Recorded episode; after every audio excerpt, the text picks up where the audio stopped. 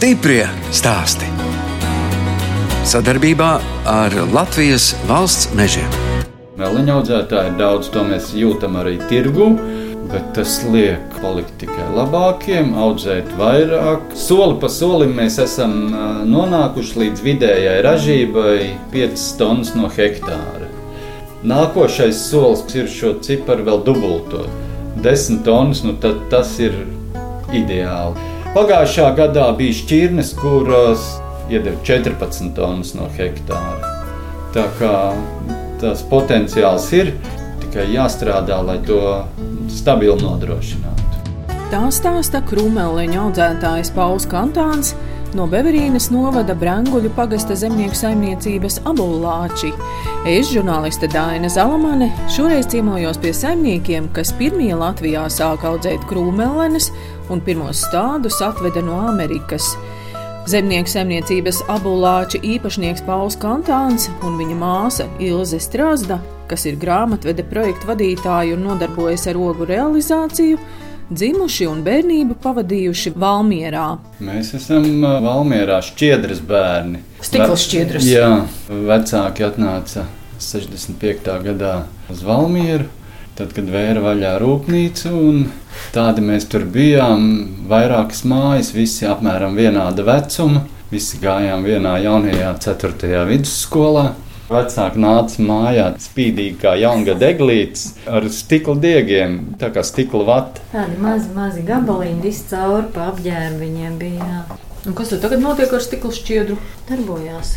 Viegli viņiem neiet. Bet... Pārbūvēta, jā, jaunas tehnoloģijas, cik var noprast. Un, nu, pēdējais Amerikas projekts neveiksmīgs. Uzbūvēja jā, Amerikā rūpnīcu un nevarēja tikt galā ar vietējo kontingentu un pārdeva frančiem. Kas stikla vats ražo nu, siltumizolācijas materiālus. Bet Valmieras stikla šķiedra tā tomēr bija tāda milzīga rūpnīca. Jā. Tur taču strādāja, man liekas, pat tūkstošiem darbinieku. Jā. Jā, jā. Arī tagad viņi ir pietiekoši liela rūpnīca, un man liekas, ir kaut kādi 700 vai 800 darbinieki. Un par laukiem principā mums nebija nekāda saistība. Vienīgi mazdārziņš. 600 km, 5 km ar kājām sākumā. Jā, katru pēc... sestdienas svētdienu. Jā, pēc tam braucām ar riteņiem, un tad parādījās pirmā mašīna, tad ar to mašīnu. Tad jau bija vienkāršāk. Protams, ka nepatika. Tas bija tāds spiesta lieta, bet kaut kā vēlāk aizgāja tas viss. Tajā laikā raksturīgi sīpolu kartupeļi un vispārējie dārzeņi, kas lēnām pārvērtās par tulpēm. Tad jau mazliet eh, nāca klāt arī tas bizness. Jo mēs arī ziedinājām tulpes un paši braucām uz Leņņģeradu tajā laikā, tirgojām tirgu, tas jau bija interesanti. Tas mums patika. Mēs aizvedām tik, cik mēs rokā varam paņemt. Mums nebija nekāds tāds transports, mēs ar vilcienu braucām. Kas tas bija pa vilcienu Rīga, Ļeņingrada? Ja? Jā. Tāds, jā, ar to mēs braucām pa naktī vilcienā no rīta uz tirgus, visu pārdevām. Un vakarā atkal mājās. Un visa ģimene kopā ar vecākiem? Tēvs vienmēr bija līdzi, un tad vai nu es vai Pauls. Jūs par spekulantiem nesaucat? Sauca. sauca, bet visus tā sauca, bet mēs vienalga to darījām. Otra lieta - varēja tos eh, tulpju sīpols arī pārdot. Tos mēs arī rakām, tīrījām, tur bija diezgan daudz darba. Un tad uh, Valmierā bija tāda dārzkopības biedrība, un tur arī varēja nodot tos sīpolus. Un tad jau reāli pretī redzēja tos ienākumus. Un, Tas nu, kādi jums bija sapņi? Nu, tagad tur ir telefons, planšete. Ko jūs pirkāt par pirmo naudu? Mopēdu varbūt. Jā, nē, nē. Mopēds man ir neizsapņotais sapnis. Nekad nav bijis. Vienmēr gribējies. Varbūt skūteri vajadzētu nopirkt. Bet es atceros, ka tad parādījās elektroniskie rokas pulksteņi. Tas bija viena gada pirkums.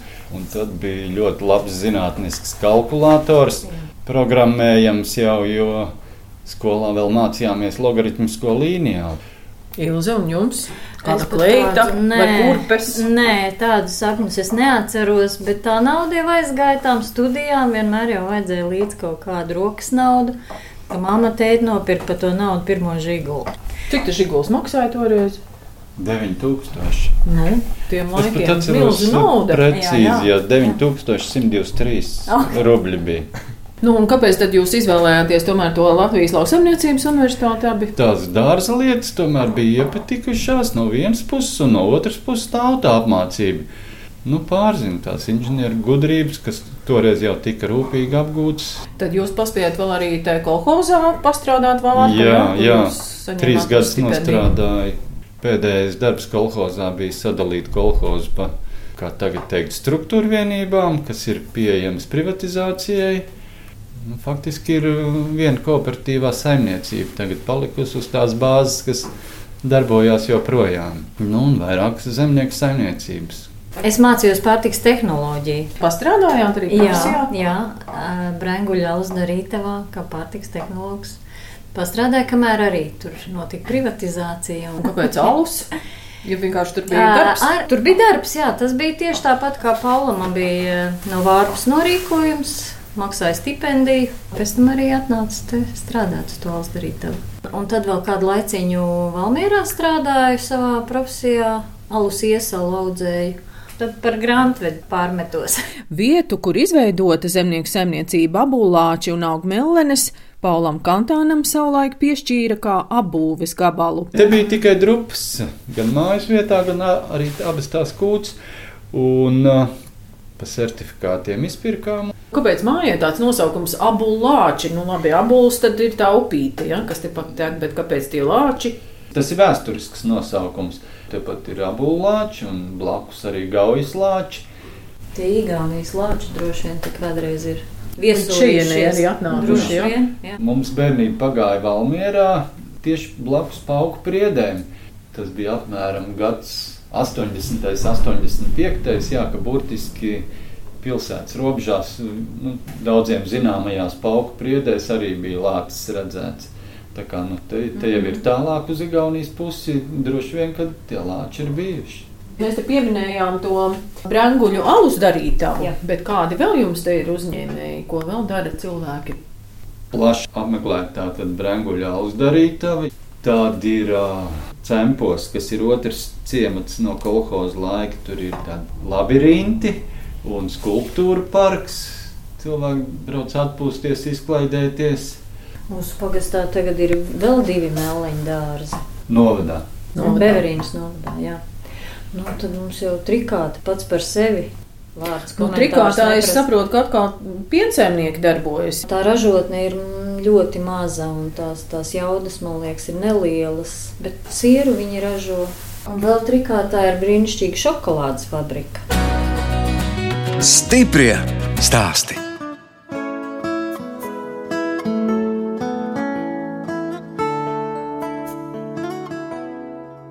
Jūs klausāties raidījumu stipri stāstī. Turpinu ciemoties Beverīnas novada Branguļu pagastā pie Paula Kantāna un viņa māsas Ilzes Strasdas.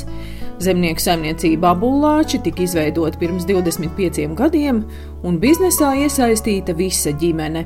Pati galvenā jau mums ir mamma, gadiet, šoruden 85, un viņa dara daudz, daudz vairāk nekā viņa drīkstētu un vajadzētu. Tēvs arī. Gribēju pieminēt vienu ģimenes locekli, kurš ir pats galvenais - mammas māsīca. Kura dzīvoja Amerikā, Oregonā.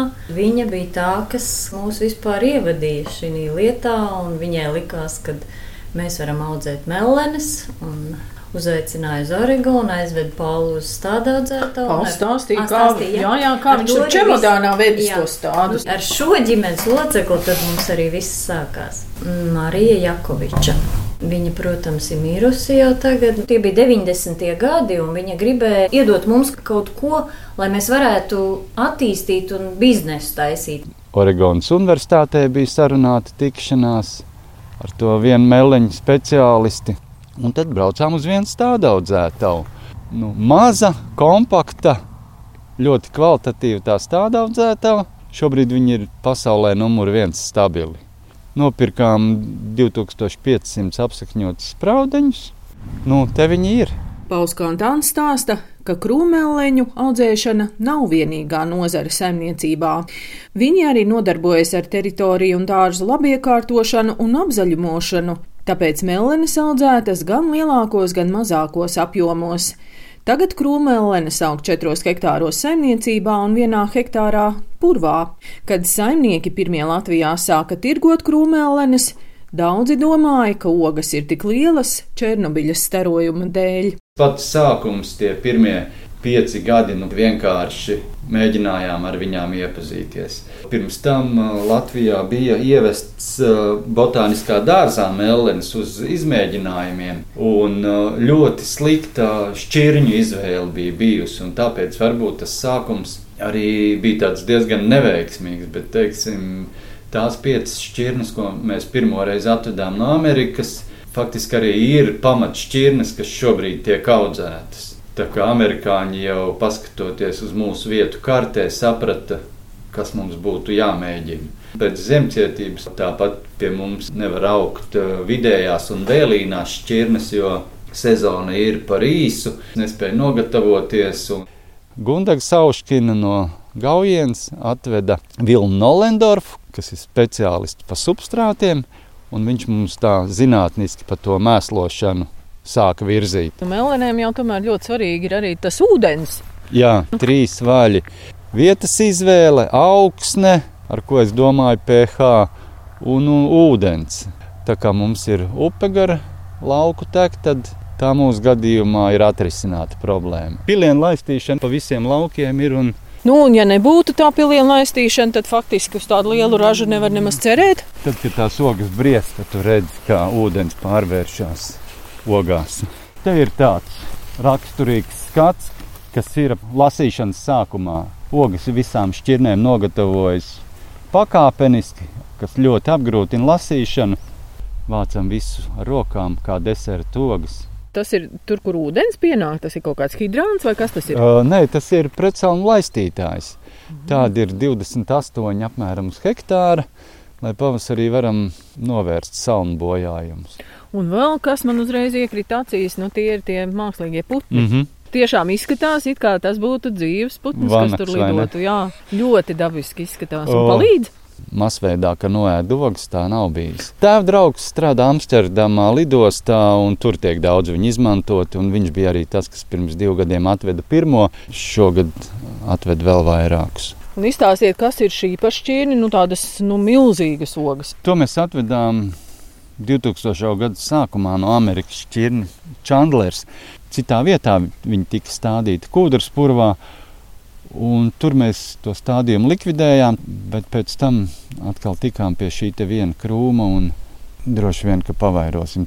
Viņa, kā redzams, ir vēlāka, jo tagad uh, ogas ir tikai gatavas, bet izskatās, ka nogatavosies. Tā ir puspunduris Norsblū, tā ir čipeva, kura ir daudz lielāka nekā viņa tika raksturota, jo viņi visi ir hibrīdi. Un arī trešā šķirne, lūk, tur tās divas rindas polāris. Krūmēleņa audzēšanā iesaistījies arī Paula dēls Emīls, kas Latvijas lauksaimniecības universitātē trešajā kursā studē lauksaimniecības uzņēmumu vadību. Kad pabeidzu 12. klasi, nu es tā uzskatīju, ka es iešu lauksaimniecību un nemaz citus variantus neizskatīju. Bet tu jau esi uzaudzis šeit, abulāčos. Jā. Un kas tad bija tie tavi darbi? Nu redz, tētis ar... Mm sāku. Audzēja tulpes un ko tur visu. Noteikti, ka maziņš biju patika ļoti pļaut zāli. Un tā jau bija kaut kāds tāds braucams, tas nu, traktorīts jā? mazais, jā. Nu, cik gadi bija, kad tu uzkāpi uz tā traktora? Man liekas, ka piecos gados pirmo reizi viņš iekāpa traktorā un aizbrauca. Un lielie zēni tikai vaļā mutē. Jā, jā, stāvēja malā un smējās. Nu, redz, es tev fotografēju pie, pie tāda maza traktorīša, kā teica, teica ķīnietis. Nu, tāds maziņāks nekā jā, nu, lielie traktori. Ir, jā, visa tehnika ir mazāka. Par augsnes sagatavošanu mēs varētu teikt, ka šobrīd zinām pietiekami daudz. Par ūdeni arī mēs zinām, griešanu arī esam iemācījušies. Katru pavasari griežam un veidojam to krūmu. Jā, kaitēkļu praktiski nekādu nav līdz šim bijis. Tad ar slimībām ir, jo dabā jau ir baltā puve un pelēkā puve. Tā kā mēs esam integrēti audzētāji, tad tas ķīmijas eh, pieejamība ir ļoti ierobežota. Ko nozīmē integrētie? Tas nozīmē, ka uzsvars tiek likts uz uh, novērojumiem, pārliecinamies, ka problēma pastāv un kādā mērā viņa pastāv, un tikai tad pieņemam lēmums par vienu vai otru metodas pielietošanu, lai tiktu galā ar kaut kādām problēmām, kas ir radušās. Ķīmiju nelieto tā kā profilaktiski, bet uh, tikai, kad ir vajadzība. Man liekas, ka mēs Latvijā reizēm vispār pārspīlējam arī visas tās lietas ar to ķīmiju, jo nu, lauksaimniecībā tas tomēr ir reizes, ka tā ķīmija ir jālieto, un tāpat čābolu cilvēkam. audzētāji nomiglo tos ābolus. Nu, rapsis tas ir vispār īpašs tās pārspīlējums. Ar ko mēs tikko saskārāmies, rapša lauku nokūla un tika savestas kārtībā melorācijas aks. Atklājās, ka zakas vāka ir milzīgs bišu spiets rapša laukā. Saprātīgi lietojot, acīm redzot, viņām pat netraucē. Nākošais solis jau būtu bioloģiski audzēta pārtika. Un jūsu ogas, kur tad aiziet? Principā viss realizācija notiek caur Baltijas ogu kompāniju. Gundaga, Sauškina no Verīberī, Māra Rudzāte no Aras, trīs saimniecības Latgalē un mēs sešas saimniecības. Kooperatīva dibināšana un noreģistrēšana nu, diezgan tāda komplicēta lieta bija. Atbalsts sākotnējais, kas tur bija pieejams, bija ļoti liels. Prieks, ka ir tāds kooperatīvs un veidojās arī tā savstarpējā sadarbība ciešāk un ciešāk. Rīgas centrā tirgu melleņu laikā parādās arī ļoti daudz poļu audzētas mellenes. Jā, Poļi ir tomēr liela konkurenti, droši vien cenas zemākas. Jā nu, poļi ir tie, kas eh, mums piespiedīs vai nu audzēt eh, nu, lētāk, vai arī atteikties. Jo gan Rietumē, Eiropā, kur viņi jau ir stabili priekšā, gan arī Ziemeļā, Eiropā, Igaunija, Somija, Skandināvija. Tur visur poļi jau ir darbojās, un ja mēs nespējam konkurēt, tad mums tirgus nav.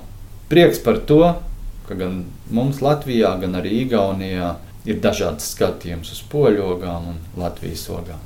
Latvijas ogām priekšroka ir arī līdz ar to gan uz ceļa izdevumiem mēs nedaudz varam iegūt, gan arī uz to, ka esam Latvijas ogu audzētāji. Nu, pircēji to novērtē. Jā. Šogad eh, bija ļoti daudz mums pašlasītāji, un mēs domājam, ka Covid mums palīdzēja, jo cilvēki atvaļinājumā nebrauc uz ārzemēm, viņi ceļo pa Latviju. Un ļoti bieži iegriezās arī pie mums. Pajautājāt, no kurienes tad ir cilvēki? Jā, No ļoti. Nē, ne tikai no vidzemes rīznieki daudzi, un bija pat no Vēncpils, bija no Liepājas. Nu, visa Latvija, bija, es domāju, bija pārstāvēta. Branguļu pagasta zemnieku saimniecībā Abulāči uzcelts arī ogu pirmapstrādes cehs. Tātad te ir slīdošā lēņa, tad te notiek ogu šķirošana. Ja? Jā, tīrošana un pasēšana. Te ir kārviņš. Aha. Nu, pa kilogramam vai kā nu tur vajag, jūs varat sašķirot. Jā, kā vajag tā uzliekt to. Un tad viņš Griežas. lapu, Griežas un dar iekšā. Un droši vien ir kaut kāda vēsāka telpa, ja, kur uzglabāt ogas. Augstuma kamera. Cik te tur būs tagad grādi? Trīs. Trīs. Liekas, ka augstāks te ir. Maz ogu, tad lielākā daļa jau ir iztirgota. Ja? Domājat arī vēl par kaut kādu citu iespējamu pārstrādi.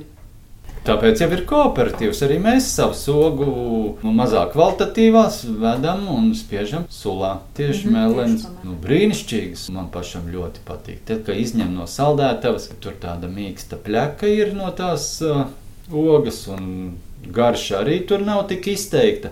Izspiežot sulā, no kurienes nāk tas aromāts un garša, nemāku izskaidrot, bet nu, brīnišķīga sula. Paši ēdat mellenes. Protams. Daudz. Jā. Cik jūs apēdat katrs gadā mellenes? Es domāju, ka daudz, jā, mēs ļoti daudz arī apēdam šķirojot.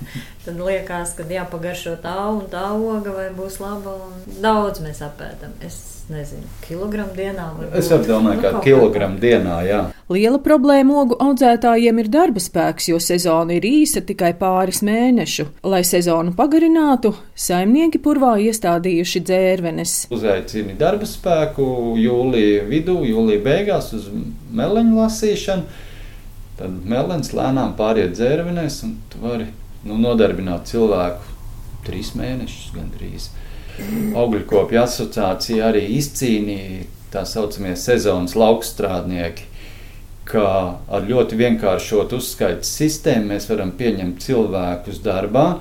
Pamatā tie ir skolnieki, ir pensionāri, ir skolotāji, kam ir vasaras brīvlaiks. Jums um, ārvalstu pilsoņi arī ir braukuši kādreiz? Nav braukuši. Nu, pamatā mums ir vietējie bērni. Tepat ir labi, ka ir viens ciems, trikāta, tepat netālu un branguļi. Cilvēki ir apkārt, tie lasītāji pietiek.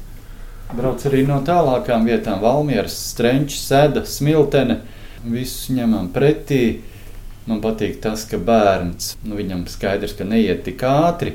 Var nākt uz stundu, divām vai piecām, lasa cik grib, pabeidz, noreģistrēs lasījumu un iet mājās. Vecāki, kas ved, atved arī kā ir ērtāk. Un... Ļoti daudz vecāku brauc arī ar bērniem. Un tas arī ir ļoti forši, jo viņi tos bērnus bišķiņi var ievadīt tajā darbā, parādīt. Un ļoti jauki. Pēc tam palaiž bērnus vienus pašus. Un... Nu, tad ar darbiniekiem izklausās problēma nav. Patiesībā liels problēmas mums ar darbiniekiem tiešām nav. Varbūt, tas apjoms palielināsies, tad arī radīsies, bet pagaidām nē, jo ļoti maz ir tāda saimniecība vispār, kas bērnus ņem. Bet mēs labprāt. Stiprie stāsti!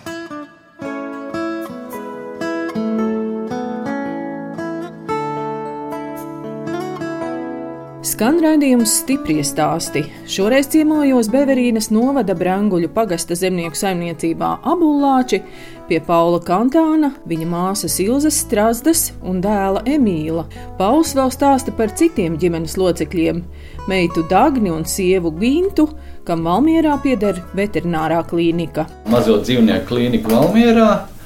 Tad tur ir kaķīši, sunīši, nu tādi mīļdzīvnieki. Jā, jā, jā.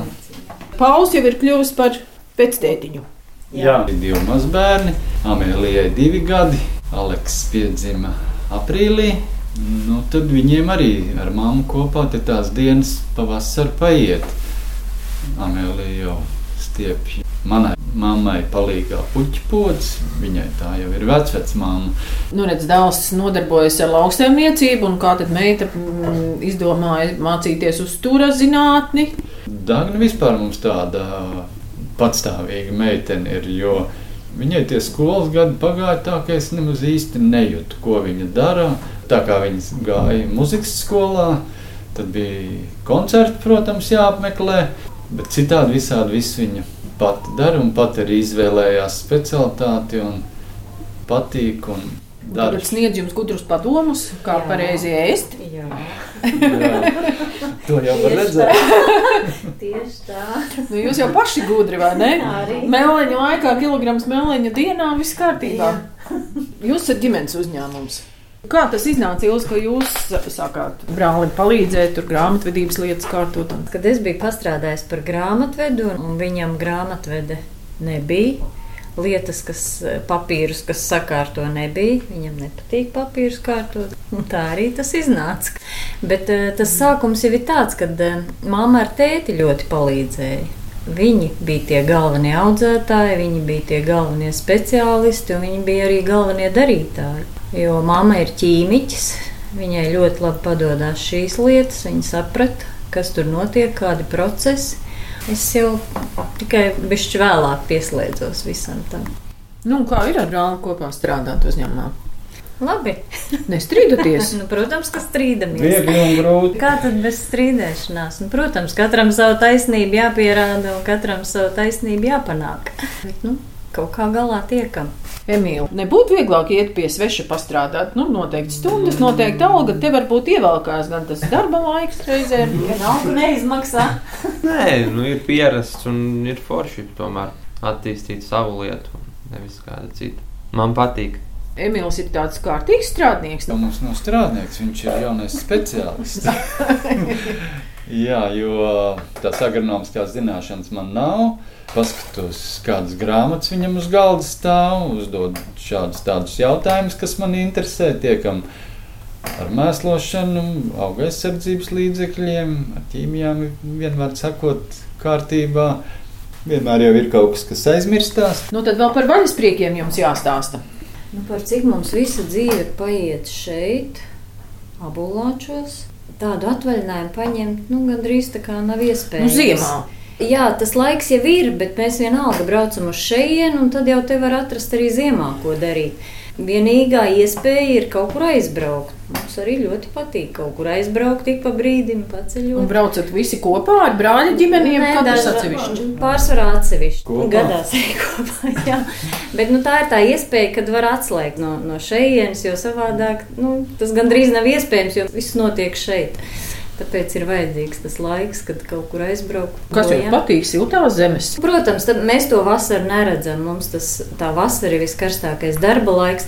Tāpēc ziemā labprāt aizbraucam kaut kur uz siltajām zemēm, lai bišķiņi var arī jūru redzēt un, un sauli. Un...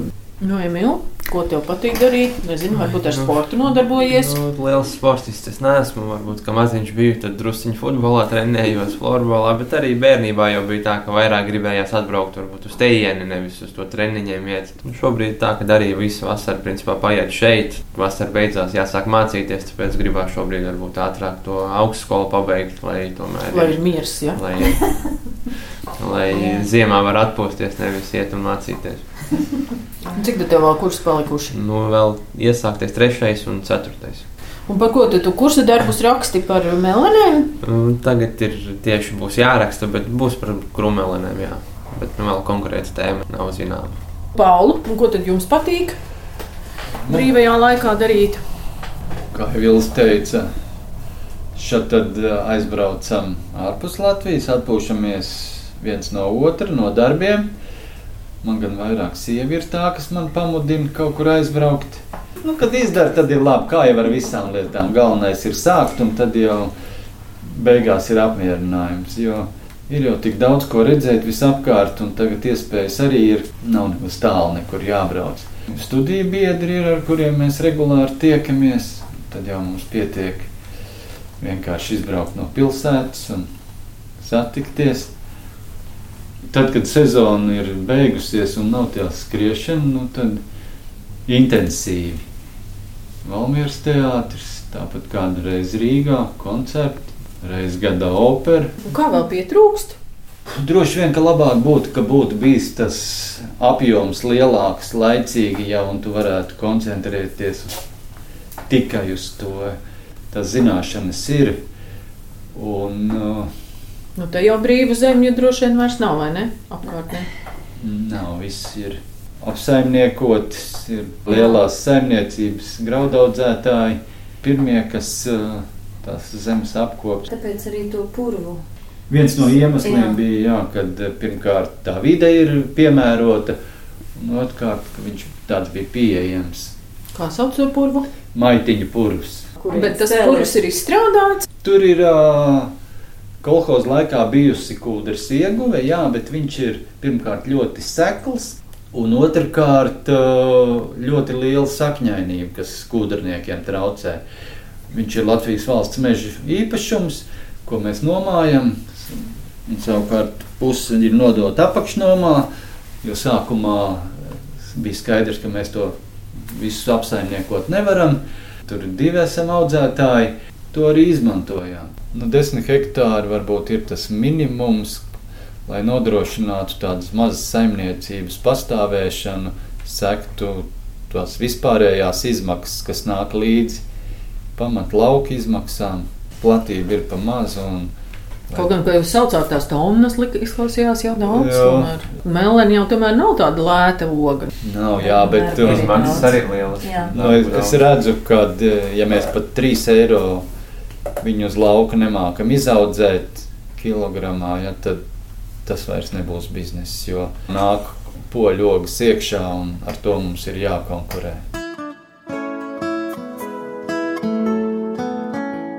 Raidījums stipri stāstī skan, un es atvados no Beverīnas novada Branguļu pagasta zemnieku saimniecības abulāču saimniekiem Paula Kantāna un viņa māsas Ilzes Strasdas, kas pirmie Latvijā pirms 25 gadiem sāka audzēt mellenes.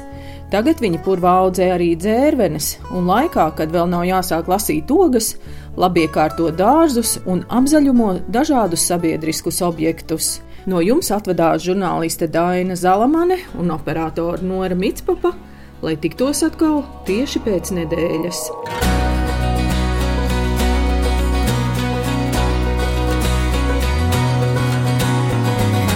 Stiprie stāsti. Sadarbībā ar Latvijas valsts mežiem.